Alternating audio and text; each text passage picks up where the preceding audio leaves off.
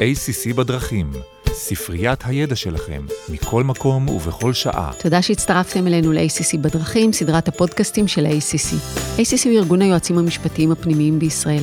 אני עורכת דין מירב לשם, והיום אני מארחת בפעם השנייה את עורך דין ניר זוהר. עם ניר נפגשנו לפני חודשיים במסגרת פרק 53 לפודקאסט שלנו, כששוחחנו איתו על שלדים ציבוריים. ניר שותף במחלקת שוק ההון במשרד עורכי הדין שטיינמנץ הרינג גורמן, ומתמחה בכל ההיבטים המשפטיים הנוגעים לדיני תאגידים בכלל, ושוק ההון בניירות ערך בפרט. הזמנו את ניר לשוחח עמנו על רכישות עצמיות של תאגידים מדווחים, וזו תופעה רווחת מאוד מאוד בשנים האחרונות, במיוחד בשווקים דוביים. אז שלום ניר, שמחה שבאת הנה לאולפן של קובי קלר והרמת את הכפפה. אהלן מירב, שמח להתארח כאן בשנית. לפני שנתחיל disclaimer קצר, הפודקאסט מיועד להעשיר את הידע הכללי שלכם, כל מה שנאמר בפודקאסט הוא בוודאי לא ייעוץ משפטי ולא מחליף כזה. ועכשיו, נתחיל אולי עם הסבר קצר ליישור קו, מה זה בכלל רכישה עצמית. אוקיי, אז בקצרה, רכישה עצמית הינה מצב שתאגיד מדווח רוכש ממחזיקי ניירות הערך שלו את ניירות הערך שהוא עצמו הנפיק בבורסה. כאשר הרכישות העצמיות הנפוצות ביותר הן בדרך כלל של מניות ואיגרות חוב. תגיד בבקשה עוד כמה מילים על ההבדל בין רכישה עצמית של מניות ורכישה של איגרות חוב. אוקיי, אז ההבדל המרכזי הוא שכאשר חברה מבצעת רכישה עצמית של איגרות חוב, איגרות החוב מתבטלות באופן אוטומטי מהמחזור. ואילו כאשר חברה מבצעת רכישה עצמית של מניות, אז המניות הופכות למה שנקרא מניות רדומות, מניות באוצר. ומאבדות את הזכות לקבלת דיבידנד וכמובן את אה, זכות ההצבעה. דרך אגב, אם הרכישה העצמית של המניות מתבצעת על ידי חברת בת של התאגיד, אז הזכות לקבלת דיבידנד לא תתבטל, ולכן יש חברות ציבוריות שדווקא מעדיפות לבצע את הרכישות העצמיות בדרך הזאת. אבל חשוב לזכור שהתאגיד המדווח שרכש את אותן מניות, לא יהיה רשאי לשוב ולמכור אותן במסגרת המסחר בבורסה, אלא רק במסגרת של הנפקה, בין אם זה דוח הצעת מדף, זאת אומרת תשקיפית, או הצעה פרטית. אז עכשיו, אחרי שיישרנו קו, נשאר עוד לסגור את המעגל עם התייחסות לרכישה עצמית של מניות. רכישה עצמית היא חלוקת הון, זאת אומרת שהיא צריכה לעמוד במבחנים של חלוקת דיבידנד. זה המקום להזכיר את פודקאסט 50, שבו דיברנו עם עורך דין עודד רביבו על מבחן הרווח בחלוקת דיבידנד, אפרופו פסק דין ברוט, שהוא כמובן רלוונטי לכל חלוקת אה, הון, כולל רכישה עצמית. נכון, נכון, מאוד. הרכישה העצמית צריכה לעמוד במבחן הרווח, במבחן יכולת הפירעון, בדיוק כמו דיבידנד. אבל בנוסף לכך, אסור לשכוח שעל הדירקטוריון גם לבחון האם קיימת מגבלה רגולטורית כלשהי לרכישה העצמית. לדוגמה, בחברה שבה אין בעל מניות עם אה, דבוקת שליטה, משמע מישהו שמחזיק מעל 25% במניות של החברה, והרכישה העצמית יכולה להביא לכך ששיעור ההחזקות של בעל מניות כלשהו בחברה יעלה ויגיע לכדי דבוקת שליטה ויחזיק מעל 25%. אז ברור שמלכתחילה אי אפשר לאשר את הרכישה העצמית. עכשיו, לרוב, החלטה על רכישה עצמית תובא לפתחו של הדירקטוריון כשהחברה סבורה שמחיר נייר הערך בבורסה לא משקף את שוויו האמיתי כמו שהחברה חושבת שהוא צריך להיות. עכשיו, מרבית החברות גם לא מסתירות את זה ומציינות זאת במסגרת נימוקי הדירקטוריון לאישור הרכישה העצמית. אגב, ולא סתם דווקא בתקופות שבהן יש ירידה בשווקים, מספר תוכניות הרכישה העצמית והיקפן בבורסה, במיוחד בתל אביב, גבוהות בהרבה ממספרם בתקופות שהבורסה ירוקה. אם נסתכל לרגע על נתונים מהמחצית הראשונה של שנת 2023, אז אפשר לראות ש-48 חברות פרסמו 56 תוכניות רכישה עצמית בהיקף של עד כ-3.2 מיליארד ש"ח, בעוד שבכל שנת 2021, בכל השנה אני מדגיש, פרסמו 35 חברות 39 תוכניות רכישה עצמית, בהיקף של עד 2.3 מיליארד ש"ח. כאשר אם אנחנו מנטרלים בשנת 2021 שתי חברות, גזית גלוב וניומד, שלבדן הן פרסמו תוכניות לרכישה של עד כ-1 מיליארד ש"ח, אז ההיקף הכולל של תוכניות הרכישה בכל שנת 2021 עמד על 1 כ-1.3 מיליארד ש"ח, שזה... שליש. שזה זה שליש ממחצית של 23, אם, כן. אם הכל יתקדם כמו אותו דבר, זה יהיה שישית. עכשיו, בישראל בפרקטיקה, חלוקת דיבידנד ורכישה עצמית הן נחשבות כהחלטות עם שיקולים נלווים שונים, והן כמעט לא מובאות יחדיו לדיון בדירקטוריון, על מנת שהדירקטוריון יבחר מי מהן, או אולי השילוב שלהן, יהיה המהלך הטוב ביותר לחברה. עכשיו, בעולם, ובעיקר בארצות הברית, המצב הוא לגמרי שונה. ובחברות רבות מתקבלות החלטות לחלוקת דיבידנד ולרכישה עצמית באותה ישיבה, ובסמוך בדרך כלל לאחר אישור הדוחות הכספיים. כך שהשיקולים כמה להקצות לרכישה עצמית וכמה להקצות לחלוקת הדיבידנד נלקחים יחד. בארצות הברית אפילו נהוג לאשר תוכניות רכישה עצמית לשנה שלמה, או לתקופות uh, ארוכות אחרות, וקורה לא פעם שהדירקטוריון מחליט לעדכן את התוכנית uh, מעת לעת, בין אם זה, בדרך כלל זה בסמוך לאישור הדוחות הכספיים. אגב, אחת הטענות המרכזיות נגד רכישה עצמית זה שהיא מעניקה הטבה באופן עקיף לנושאי המשרה אה, של החברה, והזכרת את ארצות הברית, אז אני אציין שה-SEC, הרשות, הרשות ניירות ערך האמריקאית, היא פרסמה לאחרונה הצעה שהמשמעות שלה היא קביעת מגבלות על ביצוע רכישות עצמיות ועל מכירות של מניות על ידי נושאי משרה בחברה, אגב הכרזה על תוכנית רכישה. בנוסף, הרחבה משמעותית, הרחיבה משמעותית את חובות הגילוי בהקשר הזה. מעבר למשמעות האופרטיבית עבור אה, חברות דואליות מסוימות, לא כולם, ה-SEC מצביעה במפורש על הקשר בין ההכרזה על תוכנית הרכישה למכירת, למכירת המניות. לניגוד עניינים, מבחינת אה, נושאי המשרה, על, על ניגוד עניינים מובנה. וראינו שמה שבארצות הברית, אה, שארצות הברית מאמצת, מחלחל במקרים רבים לדין הישראלי. אז אה, קודם כל, צריך לשים את זה על השולחן, ששם הגישה לגבי רכישות עצמיות היא שמה זרקור על הניגוד עניינים המובנה הזה. והאם זה נכון שרכישה עצמית של מניות מביאה בעצמה לעלייה במחיר המניה בבורסה? תראי, זו, זו השאלה תמיד שחושבים אם לעשות אה, או לא לעשות תוכנית רכישה עצמית, כי המטרה היא בסופו של דבר, היא לא להעלות את המחיר של המניה. זה לא הסיבה שדירקטוריונים מאשרים אה, רכישה עצמית. אבל הדעה הרווחת היא שבגלל שרכישה עצמית מקטינה את מספר המניות שנסחרות בבורסה, זה מביא לעלייה במחיר המניה. זה קורה בגלל שנוצר במרכאות רוכש פוטנציאלי חדש של המניות, שהוא מגדיל את הביקוש. עכשיו, כמובן שאם מחזור המסחר של החברה הוא נמוך גם ככה, ובישראל, אצל רוב החברות מחזורי המסחר הם נמוכים אה, משמעותית יחסית לעולם, אז, אה, או בעיקר הברית, אז רכישה על ידי החברה יכולה להביא להשפעה משמעותית על הביקוש של, ה, של המחיר של, ה, של, ה, של המניה. עכשיו, בנוסף לכך, רכישת מניות על ידי החברה הציבורית גם מקטינה את כמות המניות שנסחרות בכלל בבורסה. ואז למעשה ההיצע של המניות קטן, ועל פניו זה אמור להביא לעלייה במחיר המניה.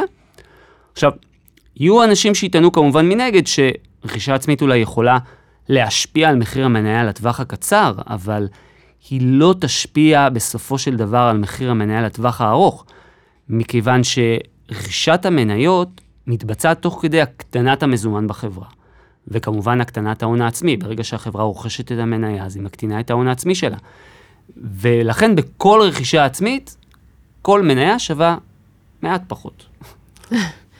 זה יתרון אה, מבחינת, אה, נגיד, אם עמדת החברה היא שהמחיר הוא, החברה נסחרת במחיר נמוך ממה שהוא נכון, יש בזה חיסרון, אתה הצבעת עליו עכשיו בעקיפין, לזה שאם השכירות גם ככה לא טובה, אתה מקטין את השכירות כי פחות היצע בשוק, ושוב, אנחנו שמים על השולחן שיכול להיות שיש פה איזה ניגוד עניינים במקרה של אה, תוכניות אופציות של נושאי משרה, וצריך להיות מאוד זהיר בדברים האלה. כן, כן, כן, אין, זה... אין, אין, אין ספק, אני מסכים איתך לגמרי, וכל דירקטור שמקבל החלטה לרכישה עצמית, ויכול להיות שיש לו... איזשהו תגמול אה, משתנה, שלדוגמה אופציות, או תגמול אה, משתנה שנסמך על מחיר המניה בשוק, אז הוא צריך לקחת בחשבון שהוא מקבל פה איזושהי החלטה שמשפיעה עליו. ונכון שבישראל זה עדיין לא מפותח, גם בארצות הברית זה לא מספיק מפותח, אבל בישראל זה בטח לא מפותח. הדירקטורים צריכים אה, ממש לקחת את זה בחשבון, שלא אחר כך יבואו ויגידו שהיה להם אולי עניין אישי. אני אגיד כן, מה שחברות שיש להן משקיעים זרים, הן הרבה פעמים אה, מעדיפות, בגלל שיקולי מיסוי, שהחברה תבצע רכישה עצמית. החברות מעדיפות כדי לסייע למשקיעים הזרים שלהם, כי הם מעדיפים אה, לא לקבל דיבידנד שעליו חל מס, ו... זה שיקול שחברה יכולה לשקול במסגרת השיקולים שלה. יש איזה שיקולים, איזה יתרונות נוספים לבעלי מניות כשחברה מבצעת רכישות עצמיות? אז, אז כן, דבר ראשון, היתרון שאמרת על משקיעים זרים, הוא יכול גם להיות אה, נכון למשקיעים ישראלים, אבל זה אה, כנראה יותר מקובל אצל משקיעים זרים, אבל בסופו של דבר רכישה עצמית מביאה להגדלה של הרווח פר מניה. למה? בגלל, שרווחי החברה התחלקו לפחות מניות. אז כך גדל החלק היחסי של בעלי המניות לקבל דיבידנד. אגב, לא רק בעלי מניות, לבעלי מניות יש כאן הטבה, אלא כמו שאת הזכרת מקודם, למחזיקי האופציות, אוקיי? אה, אבל למה? בגלל שבדרך כלל שמעניקים אופציות, מאוד מאוד מקובל, שיש התאמות למחיר המימוש. בדרך כלל זה למחיר המימוש, לפעמים יש התאמות לכמות של המניות שמקבלים בעת מימוש. אה, ולכן יש להם פה איזשהו יתרון. אה, בשונה מחלוקת דיבידנד, רכישה עצמית יכולה אבל גם להטיב עם החברה. אנחנו פשוט, אני מנסה לעשות כזה 360 של כל האינטרסים ש... ברור, ברור. תראי, כשמחליטים על רכישה עצמית, זה קודם כל הדירקטוריון צריך לקחת בחשבון שזה יטיב עם החברה. זה שזה יכול להטיב עם בעלי מניות, זה בונוס. אה, אז כשהדירקטוריון מחליט על רכישה עצמית, אז כמו שאמרת, הוא בדרך כלל סבור שהמחיר נייר הערך לא משקף את השווי הריאלי שלו בשוק. אה, לדוגמה, אם הדירקטוריון חושב שרכישה של אגרות חוב כרגע יכולה להביא להזדמנות עסקית לחברה להקטין את החוב שלה למחזיקי אגרות החוב, וזה בתמורה לתשלום סכום נמוך יותר מגובה החוב הנקוב שהחברה צפויה לשלם, אז זה כמובן משהו שיכול להועיל לחברה. אה, כמובן שזה גם צפוי לחסוך לחברה תשלומי ריבית עתידיים. שזה ממש שיקול מימוני קלאסי טהור. נכון, זה פשוט ריפייננס. אם החברה צופה שהריבית תעלה או שייכנסו, נכנסו למזומנים, אז בעצם יש יתרון ל- לעשות רכישה עצמית, לבצע רכישה עצמית על אגרות החוב שלה. תראי, לא מומלץ לבצע החלטה של רכישה עצמית על סמך תחזית כזאת או אחרת, שהריבית תעלה או הריבית תרד. אנחנו, אפשר לראות את זה טוב טוב אצל לא מעט חברות ציבוריות שלא צפו את עליית הריבית שהחלה בשנת 2022, וביצעו רכישות אה, נועזות, הייתי אומר, ב-21, ושכרגע הן נאבקות בעלויות המימון שלהן. אה, לעומת זאת, אם פתאום נכנסו לקופה של החברה מזומנים, אז במקרים רבים זה בהחלט יכול להוות טריגר לרכישה עצמית, אבל קבלת ההחלטה צריכה להיעשות תוך הסתכלות רחבה יותר. אה, איך בפרקטיקה מבצעים רכישה עצמית? אז כעיקרון יש שתי דרכים מרכזיות לבצע רכישה עצמית.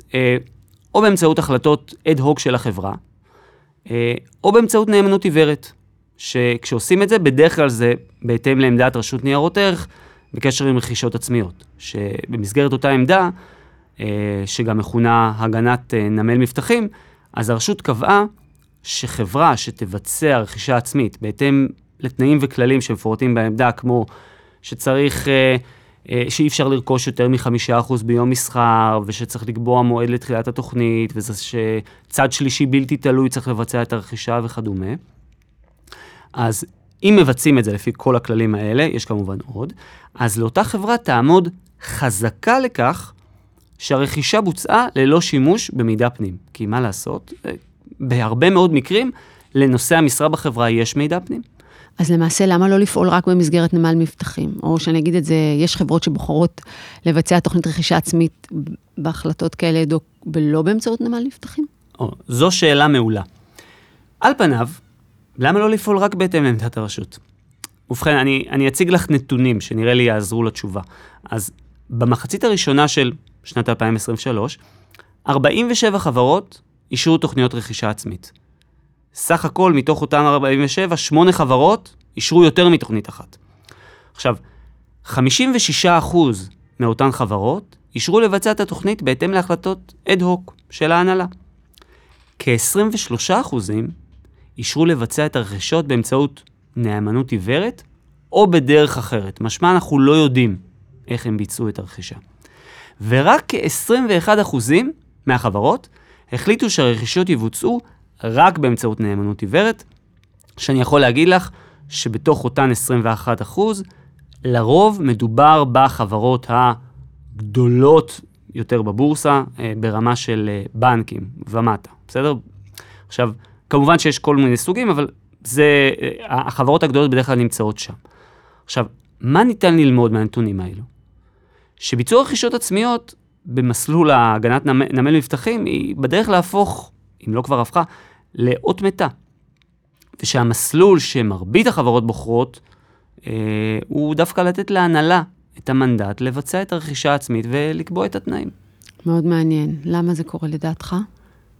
תראי, מלבד העלויות שנלוות לתוכנית הגנת נמל מבטחים, ואשר אה, מרבית החברות כנראה מעדיפות לוותר עליהן, תוכנית כתובה, בלתי אדירה, ושלא מעניקה מרחב תמרון גבוה מספיק, ולא משאירה כמובן לחברה שיקול דעת, זה כנראה משהו שהחברות פחות מעדיפות. עכשיו, חשוב לזכור שבמסגרת עמדת הרשות קיימות עוד מגבלות מעבר למגבלות שאני, שאני תיארתי אה, למעלה, והן מקשות על ביצוע רכישה עצמית שמבוצעת לאורך תקופה, אוקיי? בדרך כלל כשמאשרים רכישה עצמית, היא לא מבוצעת אה, לחמישה ימים, חודש, חודשיים, חצי שנה.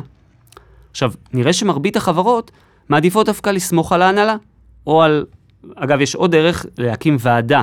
יש חברות שעושות את זה, מקימות ועדה ייעודית, שנגיד יושב שם חבר הנהלה ושני דירקטורים, שהם אלה שמקבלים את ההחלטה על רכישה עצמית. עכשיו, ככל הנראה, רוב החברות מעריכות שהסיכון לחברה, אם עושים רכישה עצמית לא דרך נאמן, הוא נמוך, ולכן הן מעדיפות להשאיר את קבלת ההחלטות אצלן בבית. אז באיזה מקרים לדעתך כדאי להימנע מרכישה עצמית? תראי, אה, אין מקרים מובהקים שבהם ב-100% כדאי להימנע מלכתחילה ברכישה עצמית, אבל אני חושב שנגיד בחברות uh, צמיחה, שהן חברות שהציפייה של המשקיעים היא שהן ישקיעו המון כספים בפיתוח או בהגדלת המכירות, אז על הדירקטוריון לחשוב פעמיים לפני קבלת החלטה על רכישה עצמית.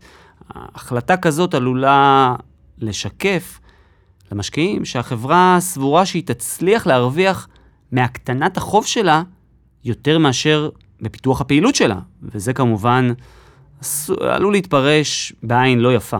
עוד דוגמה שאני יכול לחשוב, אולי אה, פחות מובהקת, זה חברת נדל"ן, אוקיי? שמחליטה לבצע רכישה עצמית, ואז את ה... במקום שיהיה לה עוד כסף בצד שהיא תוכל להשתמש בו, אני לא יודע, להון עצמי לפרויקט חדש, היא משתמשת בו כדי להקטין את החוב. וכמובן, צריך לראות כל החלטה כזו, דירקטור צריך לשקול את זה במסגרת הנסיבות.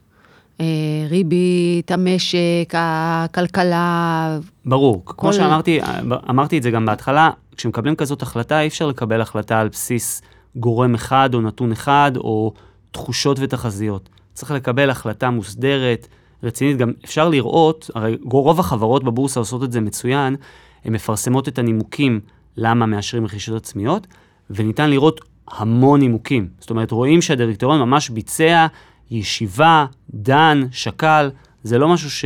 זו לא החלטה שהתקבלה אה, בהרף עין. ולא סטרילית, זה תמיד צריך לשלול, לשקול אה, מכלול שיקולים. אז מה היית בעצם מציע לדירקטור לשקול כשהוא צריך להחליט אם לאשר תוכנית רכישה עצמית? אוקיי, אז יש הרבה דברים, אבל uh, דבר ראשון, ריבית בנק ישראל היום היא 4.75, ככל הנראה היא לא הולכת uh, לרדת בזמן הקרוב, וגם כשהיא תתחיל לרדת, אז כל התחזיות קובעות שהירידה תהיה איטית, ושאנחנו לא נחזור לסביבת ריבית כמו שהייתה בשנת 2020 לדוגמה. Uh, ולכן חברי דירקטוריון בחברות שלהן הוצאות מימון גבוהות, הם צריכים לשקול האם ניצול המזומן שכרגע בידי החברה לצורך הרכישה העצמית, הוא הצעד הנכון ביותר לחברה. והאם לא יהיה נכון יותר להשאיר בחברה כרית מזומנים לתשלום חובותיה השוטפים או להצהרה. ואגב, אני אציין שבמקרים מסוימים מבצעים רכישות עצמיות לא בהכרח מהמזומנים שבחברה, אלא לוקחים מימון לבצע רכישה עצמית. אז גם צריך לשים לב שהמימון שלוקחים, ב, ב, אם לוקחים מימון לרכישה של אגרות חוב, אז עוד איכשהו אפשר לדעת שהמימון הוא יותר זול מהתנאים של אגרות החוב, אבל אם לוקחים מימון לרכישת מניות, זה כבר, אה, זה כבר שונה. אגב, דיברתי מקודם על ה... וגם את דיברת על העניין שיכול להיות שיש מחזיק, דירקטורים או נושאי משרה שיש להם עניין אישי, כי יש להם אופציות לדוגמה, או, או גמול שנסמך על מחיר המניה, אז uh, אני מעלה פה איזושהי נקודה, אני לא, אני לא מכיר את המקרה באופן, מעבר למה שהיה בדיווחים המיידיים, אז אני לא יודע אם זה קשור לגמרי, אבל לאחרונה פרסמה חברה ציבורית שנסחרת בבורסה בתל אביב, שהיא קיבלה מכתב מבעל מניות, שבמכתב אותו בעל מניות ביקש לקבל מסמכים לבחינת האפשרות להגיש בקשה לתביעה נגזרת נגד הדירקטורים, אה, על רקע טענה שרכישות עצמיות שביצעה החברה, שהמטרה שלהם הייתה להביא לעליית שער המניה באופן תרמיתי. עכשיו, אני לא יודע אם מכתב הזה יכול או עשוי להוות איזו סנונית ראשונה למכתבים דומים שישלחו, שישלחו לחברות ציבוריות, במיוחד לאור העובדה שהיקף הרכישות העצמיות הוא גדול מאוד אה, אה, השנה. אה, ואני גם לא מכיר, שוב, כמו שאמרתי, את נסיבות המקרה הספציפי, את הסיכויים של אה, תביעה כזאת או של מכתב כזה, אם זה מבוסס או לא, אבל מה שאני אנסה להגיד זה שאין ספק שהמכתב הזה הוא דוגמה חיה לכך שיש לקבל החלטה על רכישה עצמית בזהירות יתרה. נקודה, נקודה אחרונה, שנראה לי שהיא גם, אני אציין שהיא חשובה, זה אה, כאשר הדירקטוריון מאשר תוכנית רכישה של מניות בעיקר, ובעיקר בחברות קטנות או בחברות שבעל השליטה ובעלי העניין מחזיקים בשיעור החזקות משמעותי, צריכים לשים לב שהרכישה לא תגרום לכך שהחברה תפסיק לעמוד בשווי או שיעור החזקות ציבור מינימלי, שנדרש להישאר ברשימה הראשית בבורסה. האמת שבפרק 53, כשדיברנו על חברות אה, אה, בשימור, אתה הסברת על קצה המזלג על הסכנה הפוטנציאלית למחיקה ממסחר של מניות שעברו לרשימת השימור מהרשימה הראשית. נכון, זה משהו שצריך לקחת אותו מאוד ברצינות, אבל אתה יודע מה, גם אם לא קיימת סכנה להעברת המניות לרשימת השימור או למחיקה, בגלל שצריך לזכור, כמו שאמרתי גם בהתחלה, רכישה עצמית מקטינה את שיעור החזקות הציבור. כשאתה מקטין את שיעור החזקות הציבור, אתה מקטין את השכירות של המניה. ורק זה עשוי לפגוע בבעלי מניות מהציבור, שיכול להיות שבאיזשהו שלב ירצו למכור מניות, אבל פשוט הציבור יקטן. אה, ובכלל, כמו שאמרתי גם בהתחלה, בבורסה בתל אביב בכל מקרה המחזורים הם אה, מאוד מאוד נמוכים. אני חושבת שאמרת עכשיו משהו מאוד מאוד חשוב. בכלל, הוליסטית, להסתכל על uh, הנושא של, uh, אמרנו, מבחן הרווח בהתחלה, אז אני אסגור את הדיון על מבחן הרווח. יש לנו את השיקולים לטווח קצר ויש לנו את השיקולים לטווח ארוך. כשדירקטור בודק את ה...